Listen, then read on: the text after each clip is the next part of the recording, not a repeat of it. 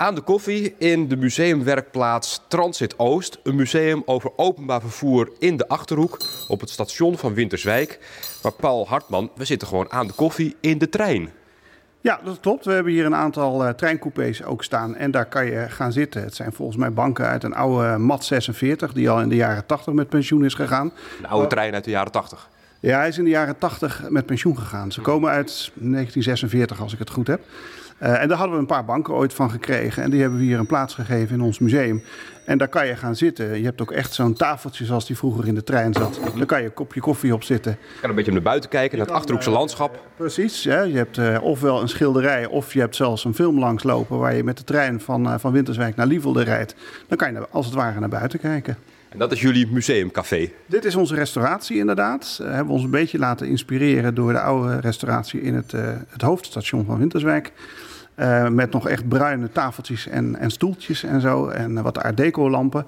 Er zitten ook zelfs wat pilaren in die uit een oude machinefabriek komen. En op die manier proberen we hier toch een wat, wat historische, gezellige look en feel te geven. Geen museum, café, stationsrestauratie is het natuurlijk. Ja, Oké, okay. ik zal goed aan denken aan de terminologie. Uh, we gaan op pad, Paul. We gaan op reis door de geschiedenis van het openbaar vervoer in de Achterhoek. En waar beginnen we dan? Voor ons is het jaar 1928 heel belangrijk. Want dat was eigenlijk het jaar waarin het stationsemplacement in uh, Winterswijk eigenlijk zijn, uh, zijn grootste omvang had.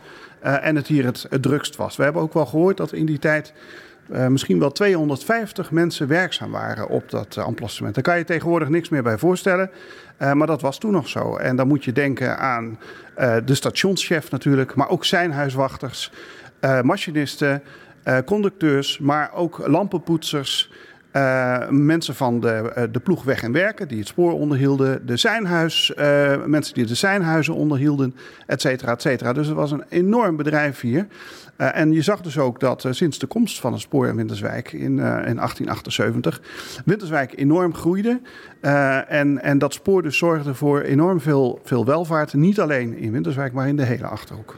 We lopen het verhaal van het museum door aan de hand van de helden van Transit Oost. Dat zijn er vijf: machinist, conducteur, wisselwachter, zijnhuiswachter, buschauffeur.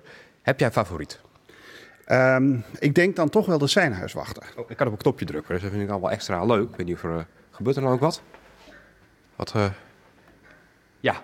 Oh ja, dan uh, weten we wie het is. Precies. Dan gaat er een lampje branden bij de foto van de, van de zijnhuiswachter. Heel mooi. En dan lopen we hier, dat vind ik ook wel heel bijzonder. Het lijkt wel of we door een mijnschacht gaan. Klopt.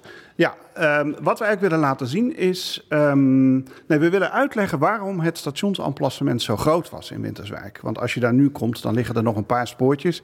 En er staan wat treinen opgesteld van Arriva. Maar in 1928 was het een enorm uh, uh, emplacement. En dat had vooral te maken met het doorgaande goederenvervoer... vanuit uh, het Roergebied naar het westen van Nederland. de spoorlijn via Winterswijk was eigenlijk de kortste weg naar de Randstad... Um, en daarom werd deze lijn aangelegd in 1878 van Zutphen via Winterswijk, Borken naar Gelsenkirchen-Bismarck. En om het Roergebied met de Randstad te verbinden.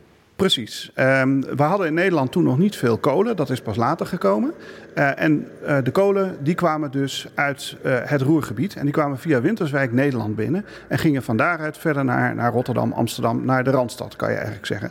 Dat is een hele belangrijke reden. De tweede belangrijke reden is het textiel, de textiel. We hadden in Twente en de Achterhoek toen al een paar textielfabrieken. Die konden eigenlijk niet groeien omdat ze niet aan, aan kolen, aan halfproducten konden komen.